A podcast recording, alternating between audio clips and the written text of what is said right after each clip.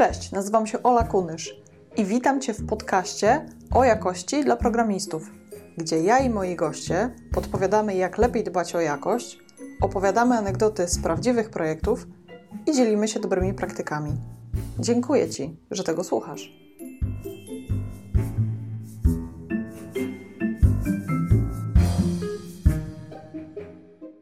Dzisiaj moim gościem jest Bartosz Ocytko. Bartek uwielbia rozwiązywać problemy. Szlify jako programista zbierał w projektach dla branży motoryzacyjnej, gdzie zdobył specjalizację w archeologii kodu z lat 90. i pierwszy raz zetknął się z architekturą opartą na mikrousługach. Uwielbia uczyć się na błędach, a szczególnie tych powodujących incydenty na produkcji. Od ponad 7 lat pracuje w Zalando. Obecnie jako ekspert odpowiada za różne aspekty inżynierii oprogramowania, to jest strategię technologiczną, architekturę platformy e-commerce oraz duże projekty typu przygotowanie firmy na eventy sprzedażowe, np. takie jak Black Friday. Rozmawiamy m.in. o tym, jak przeprowadzić skuteczną analizę postmortem, jak się zarządza czterema tysiącami mikroserwisów oraz dlaczego monitoring to potęga. Zapraszam. Cześć Bartek. Cześć, bardzo mi miło. Zaczniemy od tej archeologii kodu z lat 90. Powiedz, czy to było przyjemne, czy czego się nauczyłeś na takich projektach? Wiesz, to było tak, że naprawdę skończyłem studia i jak zacząłem pracować, to pracowałem przez 4 dni w tygodniu, przez 3 dni robiłem pracę magisterską i projekt. Projekt robiłem w chmurze, więc mogłem się technologicznie wyżyć. Jakby systemy, z którymi pracowałem w pracy, to były systemy pisane w C. Tymczasowo miałem przez rok projekt w Javie i później tak ten projekt w C mnie doganiał, bo było tak, że stwierdzi, a Bartek, tobie, tobie poszło w C, a my mamy problem, żeby znaleźć kogoś, kto jakby się w tym lubuje. To jakby dostawałem jakby kolejne zadania, które z tym C były związane. Jakby pierwsze e, zetknięcie z tymi modułami było bardzo straszne. Zapewnić jakość, nie mając dostępu do systemów, na których te moduły w ogóle były uruchamiane, ponieważ fabryki używają AX-ów, czyli to są maszyny HPK-owe na jakichś tam serwerach kosmicznych, że tak powiem. I środowisko deweloperskie to był po prostu Cygwin e, lub maszyna wirtualna na Linuxie. Mhm. I w żaden sposób nie dało się udowodnić, że aplikacja, która działa na moim środowisku, będzie też działała na produkcji. Jak klient robił testy akceptacyjne, nagle się okazało, że dostawał core dumpa. Mhm. A ty mówiłeś, u mnie działa. A ja mówiłem, u mnie działa i powiedziałem też, że puściłem to przez jakiś tam analizor pamięci i tego, jak zarządza się pamięcią w C, że wszystkie free były w dobrej kolejności zrobione. Mhm. Koniec końców, jakby miesiąc po tym, jak oddałem projekt, który powiedzmy, że przechodził na tej produkcji, nie wiedzieć dlaczego. Czy może podczas kompilacji mieliśmy po prostu farta. Okazało się, że wiadomość zwrotna, jaką dostałem, to, że a, w twoim kodzie nie było problemu, że problem był w bibliotece, która już istniała, bo ona robiła podwójny free. Zarządzanie pamięcią w C jakby trzeba się uczyć. Jeżeli ma się narzędzia typu wallgrind, które jakby analizują w jaki sposób pamięć jest używana, to można to przetestować, ale akurat na tych AX-ach takiego wallgrinda nie było zainstalowanego i osoby, które jakby uruchamiały i były odpowiedzialne za wdrożenie tego systemu, to jakby takich narzędzi się w ogóle nie tykały. W tych projektach jak wyglądały te mikrousługi? Jakie było twoje pierwsze wrażenie? Wiesz, ja na początku nie wiedziałem o systemie praktycznie nic. Dali mi jeden moduł, było powiedziane, że hej, ten moduł przyjmuje wiadomości i później wypisuje wiadomości na output i jak zapytałem się osoby, która wdrażała mi ten projekt, jakiego typu to jest messaging, czy to jest messaging synchroniczny, czy asynchroniczny i tak dalej, i tak dalej, to w ogóle mi nie potrafili na to odpowiedzieć. Popracowałem sobie przez rok w tym projekcie w Javie i później wróciłem do tego środowiska C, ale wróciłem już na całego, bo jakby odpowiadałem za maintenance i bugi z produkcji w całym tym systemie. I tak naprawdę się okazało, że jest tam powiedzmy 20 modułów. Każdy moduł to jest jeden plik C, który ma kilka bibliotek. Jedną z tych bibliotek to jest biblioteka do wysyłania komunikatów, taka jak kolejka komunikatów w Unixie, tylko pisana przez jakby jakąś tam firmę zewnętrzną. Kiedyś było to częścią systemu operacyjnego OS2, a później jakaś firma zewnętrzna napisała bibliotekę, która zawierała te same funkcje i tylko podmieniali obiekt podczas linkowania. Dzięki temu można było mieć łatwe też mokowanie biblioteki do wysyłania wiadomości. I co było fajne w tych modułach, to to, że miały bardzo ograniczoną liczbę linii, czyli miałem przed tysiąc linii. Można było prześledzić sobie w bardzo prosty sposób algorytm i szybko wdrożyć się w jeden moduł, co on tak naprawdę robi. Była też dokumentacja, gdzie był jakiś tam PDF, który miał powiedzmy 50 stron, gdzie było opisany moduł danych, jakie tabele, z jakich tabeli ten proces korzysta. I cały system działał tak, że był taki router wiadomości. Ten router wiadomości pracował na tablicy routingu i tablica tablica routingu określała proces biznesowy. Czyli na przykład mhm. przychodziła wiadomość, jeżeli przychodziła wiadomość, to był w tej wiadomości numer zamówienia, później szło się do systemu, który dodawał ci do, do tej wiadomości jakieś informacje o tym zamówieniu. Później przychodziły dalsze informacje, że a, e, chciałbym mieć jakieś rozszerzone informacje. No i wchodził kolejny moduł, który wykonywał procedurę, wyciągał sobie z bazy te informacje i doklejał jakby do tego komunikatu. I po tym, jak wykonały się jakby wszystkie te sekwencje z tych komend, gdzie każda komenda to był osobny proces na, na Unixie, ten komunikat po prostu był większy i jakaś była zakodowana wiadomość, maksymalnie 65K. Na początku tej wiadomości był kod i był to kod, który później ci mówił, czy, czy operacja się powiodła, czy też się nie powiodła i jeżeli się nie powiodła, to ewentualnie był kod błędu dlaczego. Był jakby protokół z całego tego systemu, który przetwarzał wszystkie te komunikaty, gdzie można było sobie dokładnie prześledzić jedno po drugie, jakie szły wiadomości. Więc jakby system, który był bardzo prosty do prześledzenia, bo jest jeden log wspólny, w którym można zobaczyć sobie, jak te wiadomości wyglądały i tak naprawdę nie trzeba sprawdzać sobie, co inne procesy robiły i tak dalej, i tak dalej. Najważniejsze checkpointy jakby są logowane. Ile było tych modułów? Tych modułów było w takim korowym elemencie systemu było 20 i te 20 modułów w każdej fabryce można było znaleźć. Były też moduły, które odpowiadały za na przykład techniczną stronę, czyli kolejkę. Były buforowane wiadomości. Maksymalnie było tych wiadomości powiedzmy tysiąc. W momencie, gdy ten moduł się zapełnił i ta kolejka się zapełniła, to później te tysiąc wiadomości było równolegle wysyłanych do innych procesów. Była izolacja zrobiona w tym systemie też w taki sposób, że byli użytkownicy na tym serwerze, na przykład był użytkownik numer 01, użytkownik numer 02, użytkownik numer 03 i w taki sposób produkcja sobie dzieliła, że a, lakiernia chodzi na tym, montażownia chodzi na tym, na przykład jakiś tam magazyn chodzi na jakiejś innej instancji. I można było wysyłać też wiadomość między instancjami po to, żeby równolegle odpalać jakieś tam procesy. I mhm. w fabryce był jakiś magik, który konfigurował tablicę routingów dla tych poszczególnych instancji i był też w stanie jakby zrozumieć, jak one między sobą się komunikują. Było po prostu osoby, które potrafiły przeczytać tą tablicę routingu i zrozumieć, co one robią. Ale wiesz, żadnych narzędzi, które by to wizualizowały, które by mówiły, jak szybko przechodzą komunikaty, jak jest performance, coś takiego w ogóle nie istniało. Nie? A dzisiaj masz troszkę więcej mikroserwisów w swoim projekcie. Tak, troszkę troszkę więcej. I powiedz, jak się zarządza taką ilością? Ich jest 4000, jeśli dobrze pamiętam, tak? Mamy ponad 4000 aplikacji. Trzeba jeszcze wspomnieć, ile mamy zespołów, bo to też jakby jest istotne. Mhm. E, zespołów mamy ponad 260. Te 4000 odpowiada jakby za całą platformę e-commerce Zalando. Jest to zarówno główny sklep, jak i Zalando Lounge, który jest platformą typu flash sales. Mamy także system logistyki. Większość magazynów, które mamy w Niemczech i te, które mamy w Polsce, chodzi jakby pod kontrolą naszego software'u, który sami napisaliśmy i jakby ten system też ma architekturę mikroserwisów. W takim systemie logistycznym mamy też moduły, które odpowiadają za algorytmy. Chodzą po prostu pracownicy z takimi urządzeniami, na których jest napisane, jakie są produkty do ciągnięcia spółek i jest lista, która odzwierciedla optymalną ścieżkę dla wszystkich pracowników równolegle. No jest oczywiście moduł, który liczy, to się nazywają pick listy. Oprócz tego jeszcze są systemy, które odpowiadają za proces sprzedażowy, za analitykę i mnóstwo innych modułów, które przetwarzają dane, które generujemy.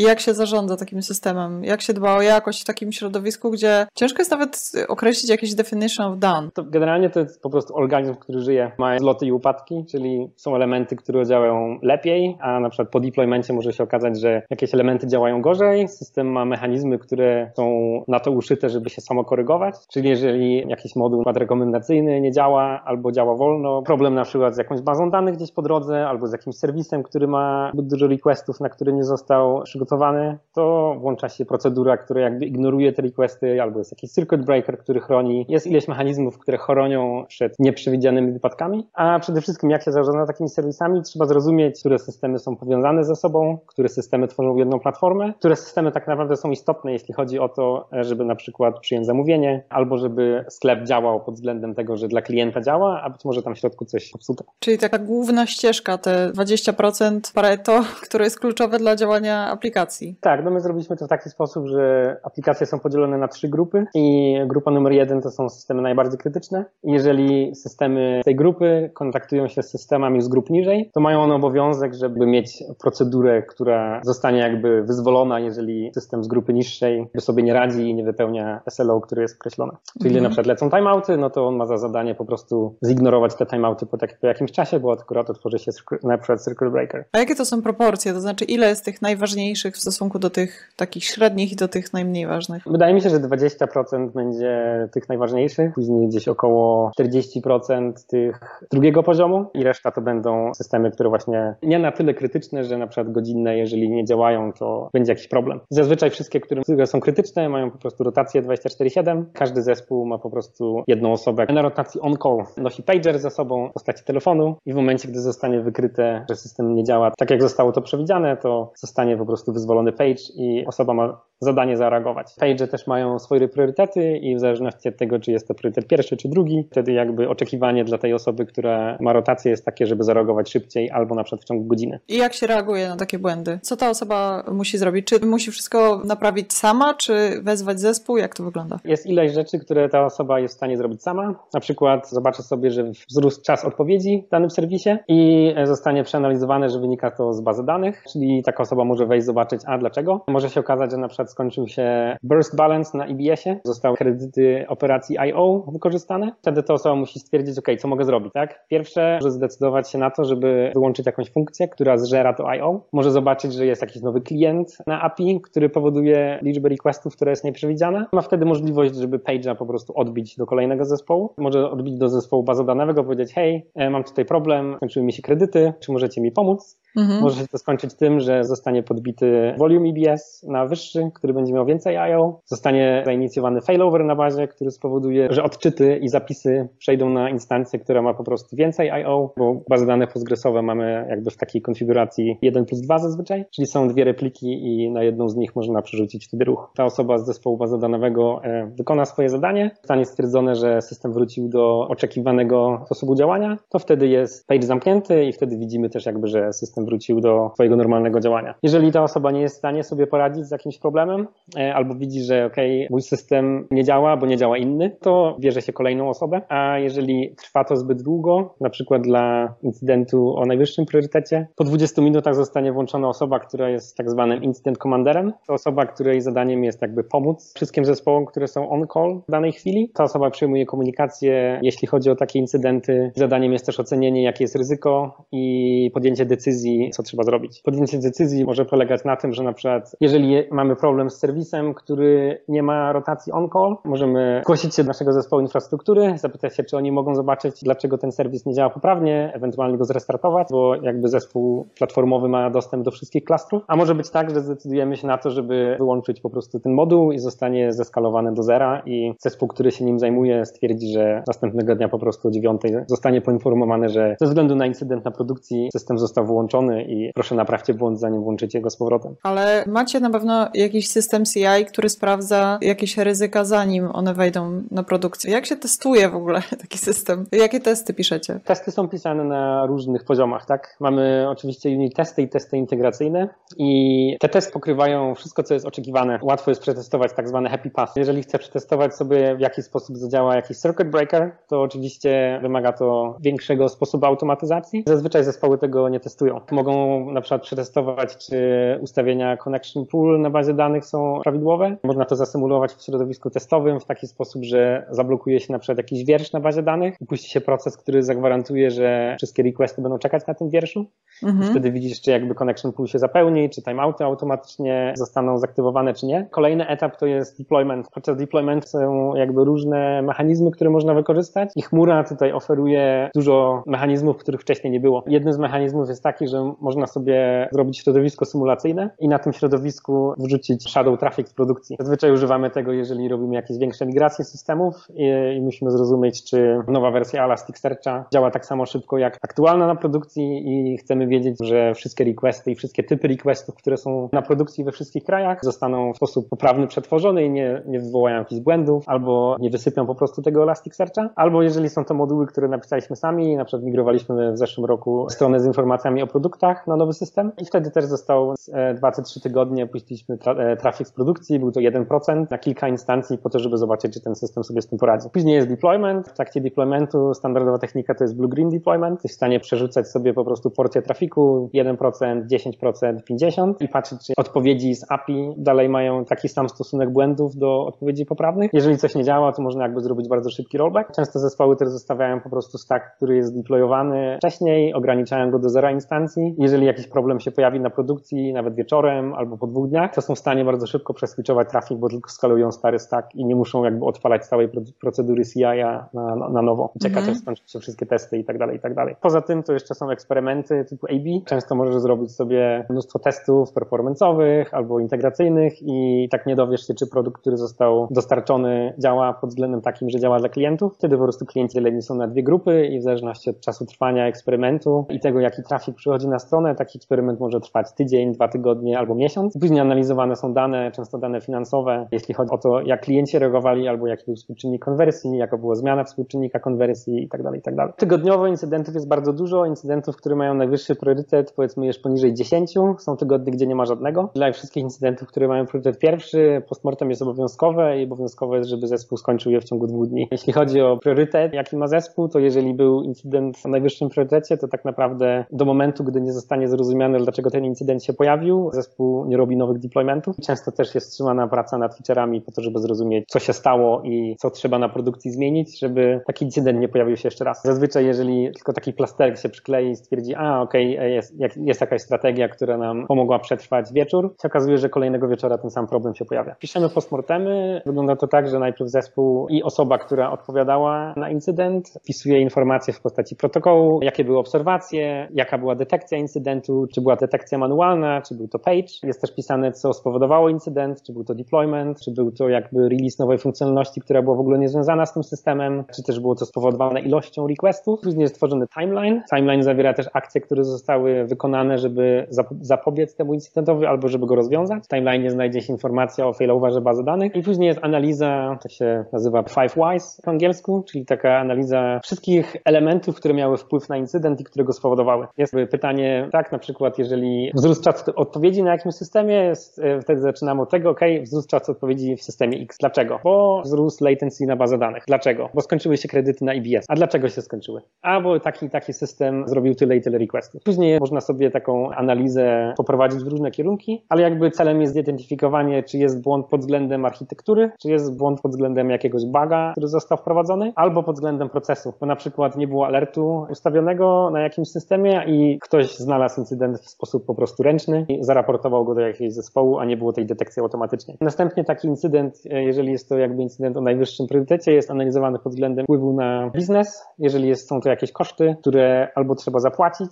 albo jest to sprzedaż, którą straciliśmy w trakcie incydentu, bo system działał wolniej i zmienił się współczynnik konwersji, albo mieliśmy spadek sprzedaży w tym okresie i mamy narzędzia, które nam jakby wyplują monetarną wartość, ile tej sprzedaży straciliśmy. I na podstawie tego mamy też taki ranking incydentów, jakie incydenty nas kosztowały najwięcej odpowiednio można priorytet w zespołach i u części biznesowej albo u e, menedżerów uzyskać, żeby konkretne akcje zaplanować w zespołach. Następnie mamy też osoby, które zajmują się review postmortemów, czyli takie osoby zadają ciężkie pytania, na przykład dlaczego zrobiliście deployment w piątek? To spowodowało, że ten deployment był potrzebny o 17. Czasami zdarza się, że taki deployment był potrzebny, a często zdarza się, że mogło to poczekać do poniedziałku. Później też patrzymy, czy trzeba powiadomić inne zespoły, że taki błąd się pojawił. Na przykład jeśli ktoś znajdzie błąd w jakiejś bibliotece, a jest to biblioteka, której używamy bardzo często, to wtedy zespół, który znalazł ten błąd, przyszykuje komunikację. Komunikacja jest wysyłana do wszystkich deweloperów i wtedy zespoły mają obowiązek zareagować na taką komunikację. Do każdego postmortemu też definiujemy listę akcji i akcje są definiowane na akcje, które trzeba wykonać natychmiastowo. Do momentu, gdy te akcje nie zostaną wykonane i kod nie zostanie zdeployowany na produkcję, incydent nie jest zamykany. A są też akcje, które można wykonać w ciągu tygodnia albo dwóch, po to, żeby zmniejszyć prawdopodobieństwo, że taki błąd trafi do większych grup odbiorców albo będzie dotyczył większej ilości zespołów. I mamy też taką grupę samopomocy, u nas się to nazywa gildie, takie małe community, które co tydzień zbiera się i na którym omawiane są incydenty, które są najbardziej krytyczne z produkcji. Na przykład dzisiaj mieliśmy raport o incydencie, który był związany z naszym systemem Elasticsearch, gdzie straciliśmy terabajt danych tak w mgnieniu oka i okazało się, że odkryliśmy bug Kubernetes, który jest związany z tym, jak działa scheduler. Ten scheduler ma race condition, który powoduje, że zamiast ubijać jednego poda, ubija dwa na raz i ubiło nam dwa mastery na klastrze. Klaster stracił quorum, nody się obudziły na nowo i nie miały danych. Jest odpowiednio zaplanowane, w jaki sposób można powiadomić inne osoby, które są też użytkownikami Elasticsearch, w jaki sposób trzeba będzie skonfigurować system, żeby taka sytuacja się nie zdarzyła. Wprowadziliśmy coś takiego, co nazywa się Distributed Tracing,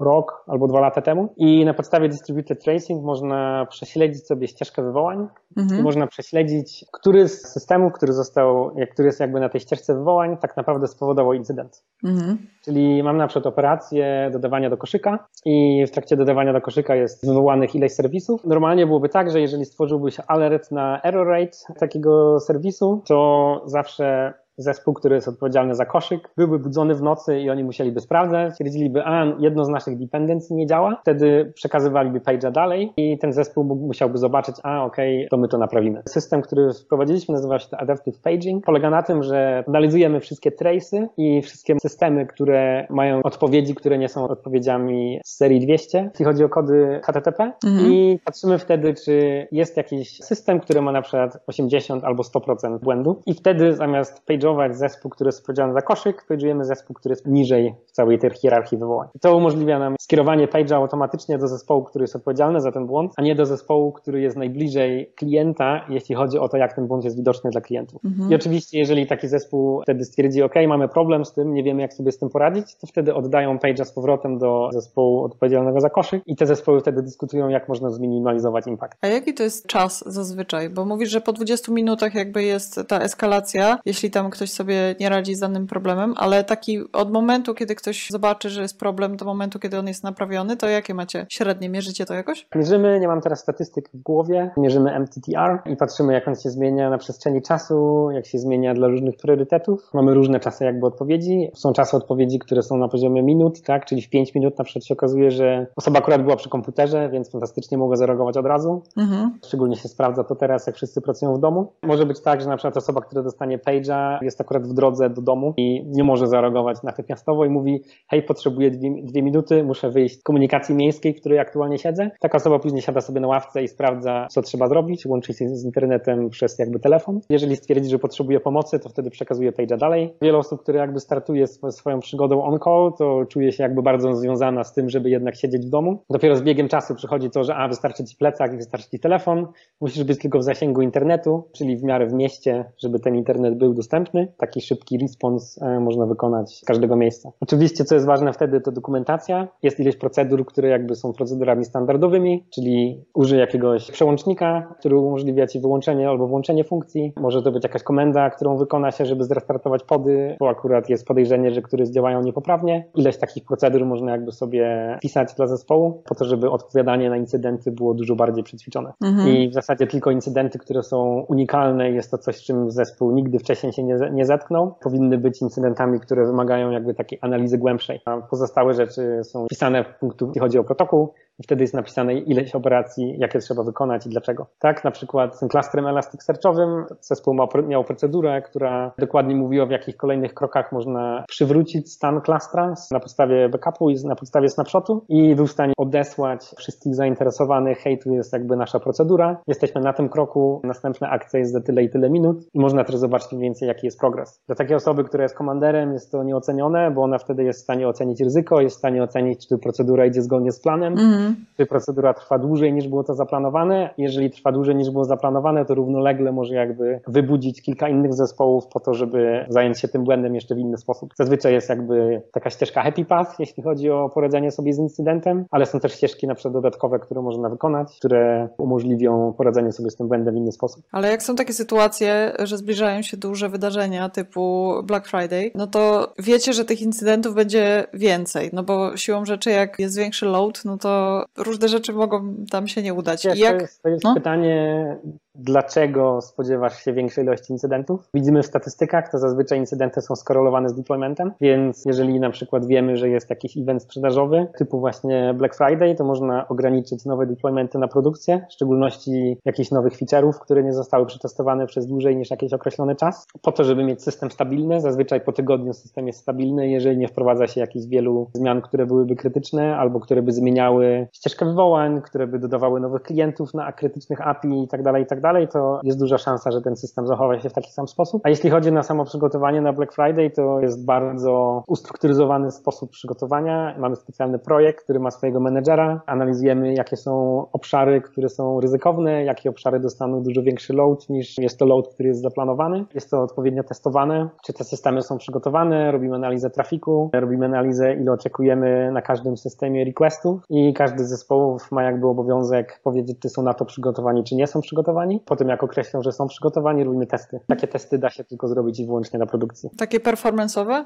Performance'owe, które jakby jest replikacją akcji, które wykonaliby klienci. Tak, czyli na przykład o 10 rano puszczamy sobie ruch, taki, który oczekujemy na Black Friday. Jest to ruch, który stopniowo jest zwiększany w ciągu kilku godzin, czyli na przykład do 15 jesteśmy w stanie wygenerować load, który będziemy oczekiwać na Black Friday w trakcie piku. Wtedy patrzymy po drodze, jakie systemy odpadają. Mieliśmy też w trakcie takich testów określone, w jaki sposób będziemy reagować, jeżeli są systemy, które nie są w stanie wytrzymać tego ruchu. Mogły być to albo czekamy, aż zespół doda nowe instancje, a jeżeli wiemy, że zespół na przykład musiałby wyskalować bazę danych, bo mają jakąś tam relacyjną bazę typu Postgres i trwałoby to dłużej niż e, czas, który jesteśmy w stanie zaakceptować, to wtedy mieliśmy procedury, które wyłączały ten serwis z ruchu, czyli na ingresie na Kubernetes po prostu zostały wycinane, co automatycznie aktywowało procedury fallbackowe na poziomie klientów i jakby generowało degradację funkcji dla klientów, którzy aktualnie wtedy byli, bo symulowaliśmy ruch na produkcji. Mhm. Tak, co automatycznie było dla nich incydentem, musieli później zrobić postmortem,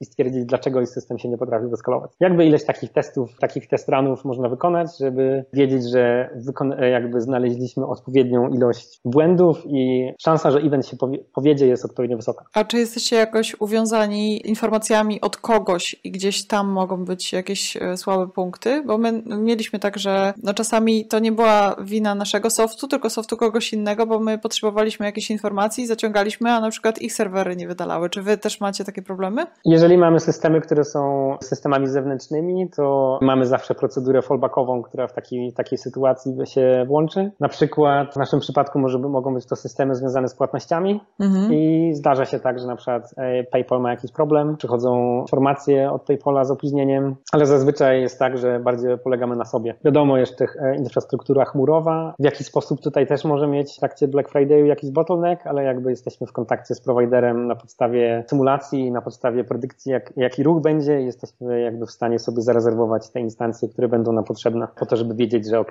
mamy opcję ich wykorzystania. Oczywiście ta opcja jest kosztowna. W jakimś sensie można też polegać na pewnej ilości serwisów, na tej flocie, którą się ma. W szczególności jeżeli używamy Kubernetesa, możemy po prostu ubić sobie systemy CI-owe, możemy sobie ubić systemy testowe i automatycznie masz wtedy większą flotę instancji, które są. Mhm, jasne. Jakby jeśli chodzi o poleganie na dostawcy chmury, to load balancery są zazwyczaj takim elementem, który trzeba przygotować na load, który będzie, szczególnie jeżeli jest to ruch, który ma charakterystykę spike'a, czyli jeżeli wzrośnie ci load o razy 10 na przykład, w porównaniu do tego, co system przetwarza aktualnie, to od pewnego poziomu requestów, bo od 10 tysięcy na load balancerach na AWS-ie, jest tak, że trzeba je sobie przygotować, ponieważ AWS musi zarezerwować po swojej stronie odpowiednią liczbę backendów, która będzie w stanie przyjąć ten ruch. Czyli mamy na przykład mm. systemy, które przetwarzają 150 tysięcy requestów na sekundę, jeżeli będziemy potrzebować tam więcej, to jeżeli deployment tworzy nowy load balancer, to nie można zdeployować takiego systemu, jeżeli nie zostanie ten load balancer przygotowany na te 150 tysięcy. Ta procedura trwa ileś godzin, więc też trzeba ją zaplanować wcześniej. Mieliśmy na przykład ostatnio taki przypadek, gdzie system miał kolejkę, kolejka była zamodelowana w bazie danych i był sobie batch job, który chodzi tam minutę. Miał on w wyrażeniu SQL limit 5000, ale się okazało, że zapytanie jest skonstruowane w taki sposób, że jeżeli zostanie wykonane, to tak naprawdę robi full table scana i dopiero wtedy ta agregacja jest wykonywana. Czyli tak naprawdę query jest tak zbudowane, że ma niedeterministyczny czas wykonania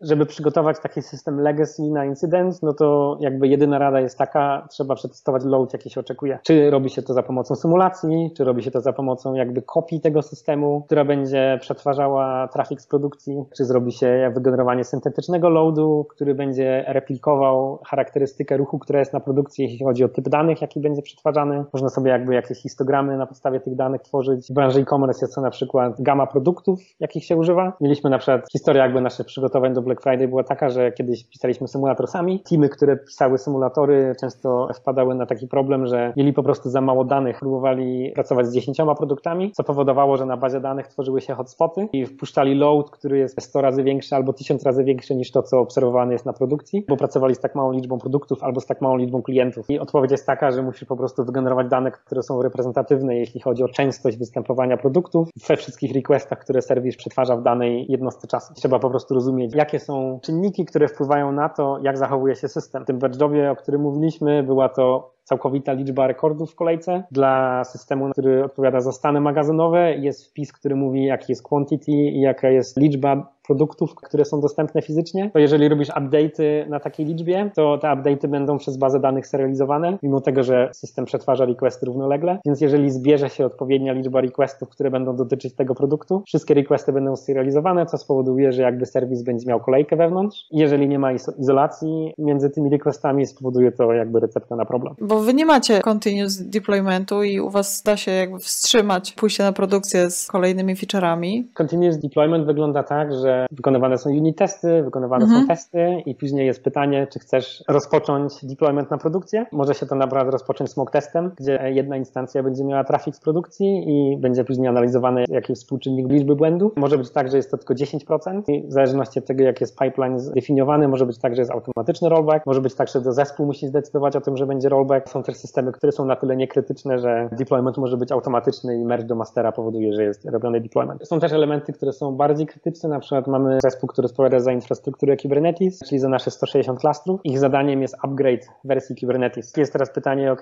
jak to zrobić dla 160 klastrów? Zaczynają od, oczywiście od klastrów testowych. Po tygodniu, jeżeli wszystko gra, mają kolejność rolloutu dla różnych zespołów i ta kolejność rolloutów jest respektowana i później trwa taki rollout tydzień. Jeżeli zostanie znaleziony incydent na produkcji, który będzie spowodowany tą nową wersją Kubernetes, to oczywiście taki rollout będzie wstrzymany. Inny przykład to będzie upgrade Postgresów. Jeżeli jest upgrade Postgresów, to zespół mówi, hej, będzie nowa wersja, będzie to zroloutowane dziś w nocy, automatycznie na wszystkich klastrach i przetestowaliśmy to już na tej i tej bazie danych. Wiemy, że to wytrzyma na pewno load z głównych trzech baz, które używamy, a tych klastrów bazodonowych mamy z tysiąc, więc zespół, który za to odpowiada jest w stanie znaleźć sobie takie, które są reprezentatywne i wtedy zespół jest przygotowany na to, taki, który korzysta z tej usługi, że ok, nasza baza danych będzie ubita, będzie failover, pójdą jakieś retryje na tych requestach i system jakby się ustabilizuje w jakimś czasie. A tu mówisz o podbijaniu wersji i o takich nowościach, w kontekście nowej wersji jakiegoś softu, biblioteki czy frameworka. A co jeśli ktoś przychodzi i chce jakąś nowinkę wprowadzić, zupełnie coś nowego, to czy też macie taką samą procedurę? Jeśli chcemy wprowadzić nowinkę, no okej, okay, powiedzmy jest to nowy feature, czyli na stronie produktowej chcemy wyświetlić informacje o rekomendacji rozmiarów, to wtedy taki feature przechodzi taką procedurę, którą nazywamy Production Readiness Review i zespół wtedy przygotowuje informacje na ten temat, w jaki sposób będzie wyglądał rollout, jak mniej więcej wygląda architektura, jak został system zaprojektowany, jeśli chodzi o właśnie paterny związane z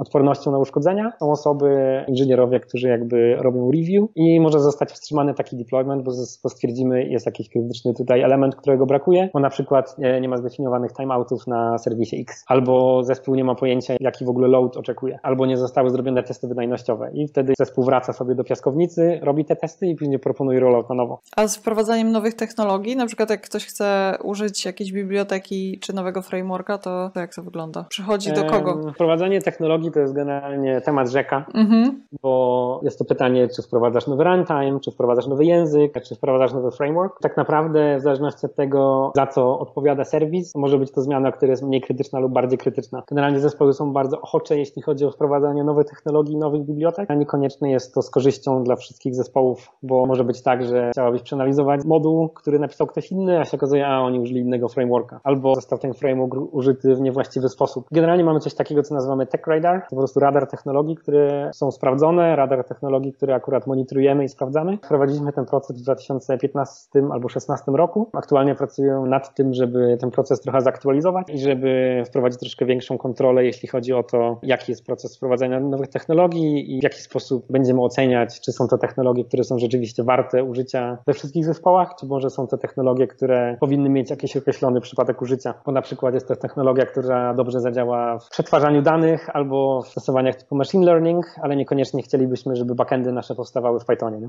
A jak zmieniało się Twoje podejście do takich rzeczy, do wprowadzania nowinek i w ogóle do dbania o jakość, w zależności od roli, bo tam przeszedłeś tą ścieżkę. Czy to było tak, że zawsze byłeś tak bardzo świadomy tych konsekwencji wprowadzania nowych technologii na całą firmę, czy miałeś taki czas jednak, że chciałeś się pobawić nowymi rzeczami? Jeśli chodzi o podejście do jakości, to ono zmieniało się jakby, jeśli chodzi o perspektywę, jaką mam. Na początku moją perspektywą był zespół. Zacząłem z Zalando pracować, pracowałem nad procesem przetwarzania zamówień, czyli nad wszystkim, co się dzieje, jak klikniesz kup, czyli jest to jakby jedna z najbardziej krytycznych funkcji. I poznałem, w jaki sposób trzeba monitorować jakość, jakie są możliwości monitorowania jakości na produkcji. Na przykład migrowaliśmy cały proces przetwarzania zamówień z monolitu do serwisu, który odpowiadał tylko i wyłącznie za ten proces. Zespół pracował nad tym, zanim przyszedłem. W pierwszym albo drugim drugim tygodniu, jak przyszedłem, to był go live. No i system został wrzucony automatycznie we wszystkich krajach. Było powiedziane, wszystko działa, bo to było to testowane jakby przez długi czas. Co się okazało, że po tygodniu albo po kilku dniach mamy taką informację, że hej, mamy problem e, w jednym z krajów, bo barcode, który jest drukowany na paczkach, nie działa poprawnie, bo jakieś informacje zostały tam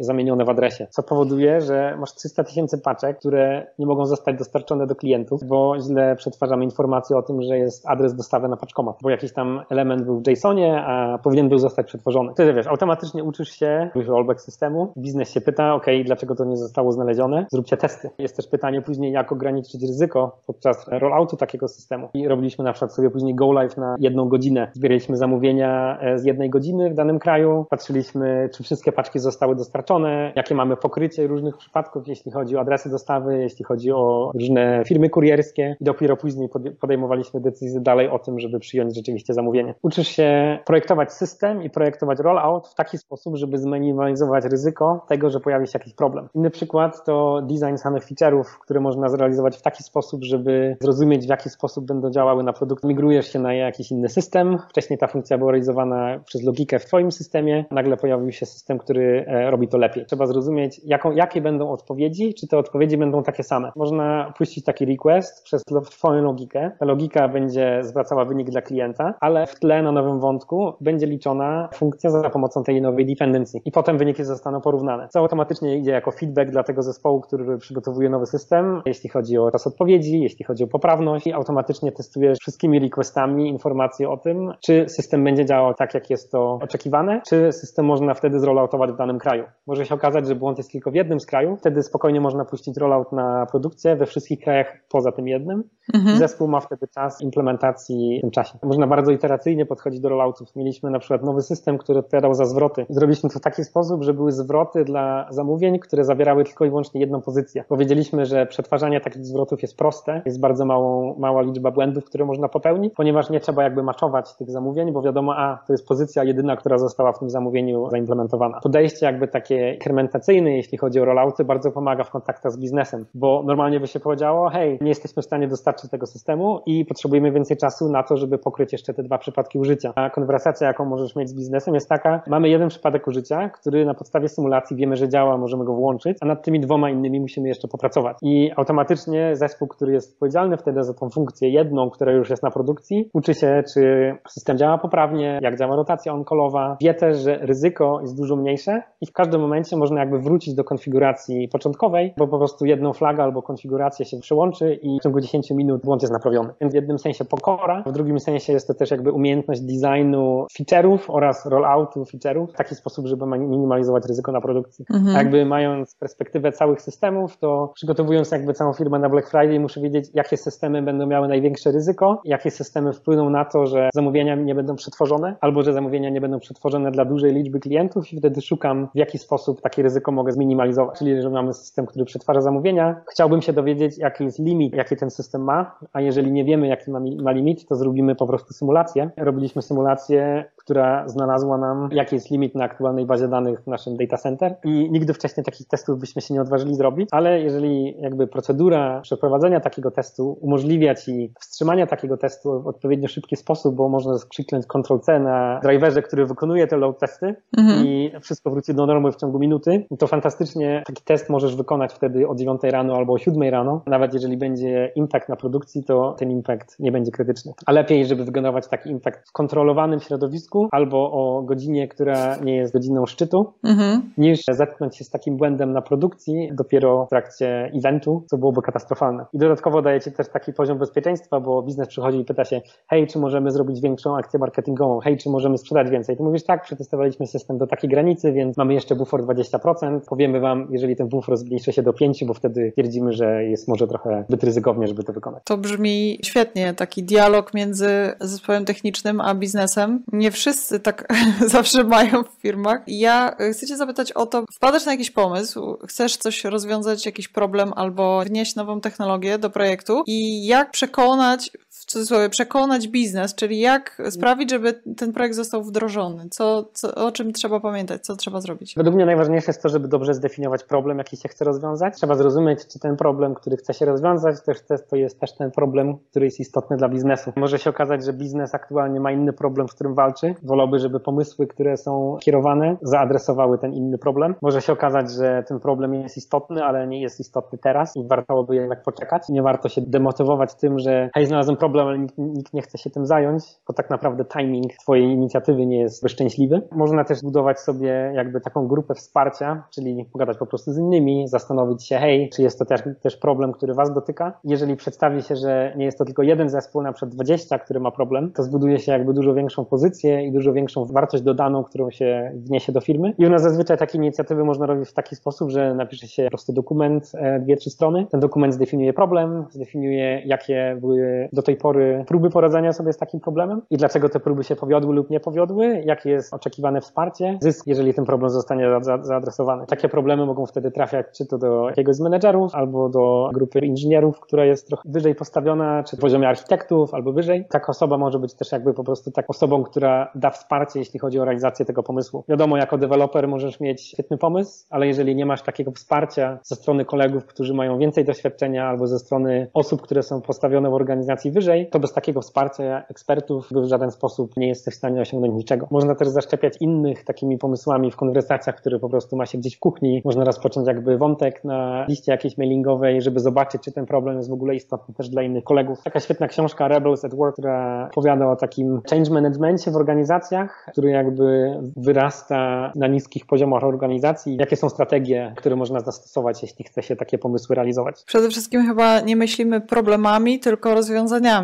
Tak, to jest, najczęściej jest to właśnie problem, że myślisz rozwiązanie, bo a ja chcę mieć tą technologię, a ja chcę zrobić to. Mhm. A jeżeli ma się kogoś, kto jest w stanie wytłumaczyć, hej, żeby poradzić sobie z tym, albo żeby w ogóle taki coś wprowadzić, musisz powiedzieć, jak zwiększy to produktywność, jak wprowadzenie tego i tego elementu jakości wpłynie na liczbę deploymentów, które można zrobić, ile czasu zostanie oszczędzone, albo jak bardzo zostanie zwiększona jakość w danym projekcie, to oczywiście wtedy szansa na realizację tego pomysłu dużo mocno rośnie. Często może być tak, że menedżerowie mogą powątpiewać w powodzenie takiej inicjatywy, bo widzieli, że były ilość osób, które próbowało to rozwiązać, ale im się nie udało. Wtedy dobrą strategią jest wynegocjowanie czasu, który można spędzić na prototyp. Wtedy na podstawie prototypu można pokazać, jesteśmy w stanie rozwiązać ten problem, bo znaleźliśmy taki taki algorytm i ten algorytm jest w stanie problem rozwiązać i mamy na przykład taki przykład z firmy, gdzie kolega znalazł, że jest takie narzędzie, które potrafi dla deploymentów na AWS-ie i dla grup skalujących przeanalizować, czy aktualnie load można przerzucić z instancji on demand na instancję spot. Często jest czynnikiem ryzyka, czy jak spot market się zmieni, jeśli chodzi o cenę, to czy wtedy dostaniemy w ogóle instancje, które są możliwe. I jakby jest taki produkt, który jest dostępny gdzieś od startupu, który ma algorytm, który analizuje jakby ruchy cen na spot markecie, na Amazonie, na podstawie różnych instancji jest w stanie przewidzieć, że jeżeli ceny rosną, to dostępność instancji spadnie i na podstawie cen i akceptacji poziomów cen, która została skonfigurowana, może automatycznie przełączać te instancje spot na instancje on demand. I tak naprawdę jest to czysty zysk dla organizacji. Przerzucasz sobie ruch bez żadnego ryzyka i jeżeli znajdziesz wtedy zespół, który odpowiada za systemy, które nie są krytyczne i które można w taki sposób przerzucić właśnie na instancję spot, dostanie się wtedy jakby zielone światło na to, żeby zrobić taki kontrolowany eksperyment w takim środowisku, które jest małym środowiskiem, bardzo odizolowanym od krytycznej strefy systemu, to wtedy szansa na powodzenie jest dużo większa, bo będą zebrane konkretne, twarde dane, czy to pomaga, czy nie pomaga. Bardzo ciekawy przypadek. Ja mam jeszcze jedno pytanie. Czy coś się zmieniło w czasach pandemii? Jak to wpłynęło na Was zarządzanie jakością? Tak naprawdę nie wpłynęło w ogóle, jeśli chodzi o zarządzanie jakością, ani odpowiadanie na incydenty, bo odpowiadanie na incydenty przez to, że dzieje się poza godzinami pracy, automatycznie jest remote friendly. Ten proces jest jakby najbardziej przetestowany, jeśli chodzi o pracę z domu albo pracę z poza biura, jakkolwiek zdefiniujemy poza biuro. Spotkania to są bardziej efektywne. Mamy cztery lokalizacje, mamy Berlin, Dortmund, Helsinki i Dublin. Nagle wszyscy są na spotkaniach równi. Tak mhm. wcześniej były może cztery sale konferencyjne i siedziało po kilka osób w salce konferencyjnej, a teraz nagle wszyscy mają taki sam sposób dojścia do głosu, mhm. czyli muszą podnieść rękę, muszą powiedzieć, hej, mam pytanie. Jest komunikacja jednokierunkowa, czyli na,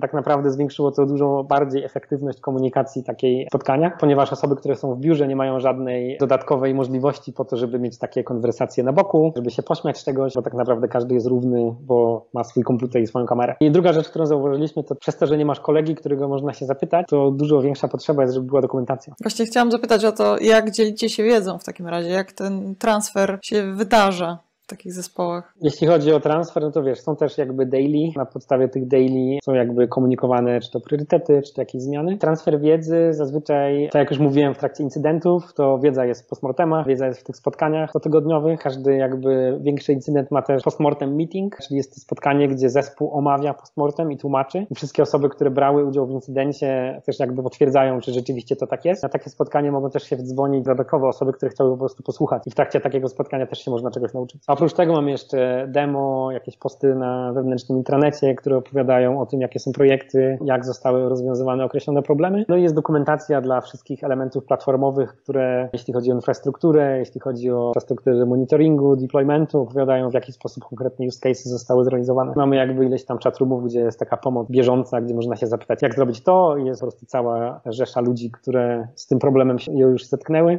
mhm. a mając ponad tysiąc deweloperów, to wiesz, zawsze znajdziecie ktoś, kto miał już ten problem. Jasne. Zazwyczaj jest tylko kwestia, żeby zapytać, a często osoby nie pytają i można tylko powiedzieć pytajcie. To jest bardzo dobra rada na koniec. pytajcie o pomoc, bo ktoś już miał kiedyś taki problem. Dokładnie. Czasami jest to osoba, która jest u Ciebie w firmie, czasami jest to osoba, która jest poza firmą jest gdzieś w swojej sieci i warto jakby się konsultować, żeby nie wynajdywać koła na nowo. Dużo jakby wiedzy można zdobyć incydentów, które miały inne firmy. Na przykład Cloudflare miał taki fajny incydent z regexami, gdzie znaleźli, że regex miał katastroficzny backtracking, co powodowało, że input im był dłuższy i bardziej skomplikowany, tym wpływał na czas wykonania takiego regexu. W ich przypadku ubiło to cały system i byli niedostępni. Pokazali też dokładnie, jak sobie z takim błędem poradzić, że trzeba mieć jakby budżet na wykonanie funkcji. Jeżeli ten budżet zostanie wyczerpany, to mimo tego, że jest to symulacja, to taka symulacja powinna też zostać e, ubita, jeśli chodzi o wykonanie, jeżeli przekroczy czas, czas wykonania. Najlepiej się uczyć na cudzych błędach. E, no, na swoich też, ale można pewnych uniknąć ucząc się na cudzych. Jakby powiedziałbym, że swoimi błędami trzeba się dzielić po to, żeby inni mogli się uczyć i tak samo warto uczyć się od innych na podstawie błędów, które zostały popełnione. Dzięki wielkie Bartek za to, że przyjąłeś zaproszenie i że podzieliłeś się z nami dzisiaj swoją wiedzą. Dzięki, bardzo fajnie się rozmawiało, dzięki za zaproszenie. Bardzo dziękuję Ci za poświęcony czas. Jeśli ten odcinek dał Ci wartość, to podziel się nim w social mediach albo wyślij go do jednej osoby. W notatkach do odcinka znajdziesz linki do bloga, kanału na YouTubie i mojego Twittera. Jeśli masz jakieś pytania albo sugestie, to napisz do mnie na olamałpka szkołatestów.online. Niech moc będzie z Tobą. Ola Kunysz.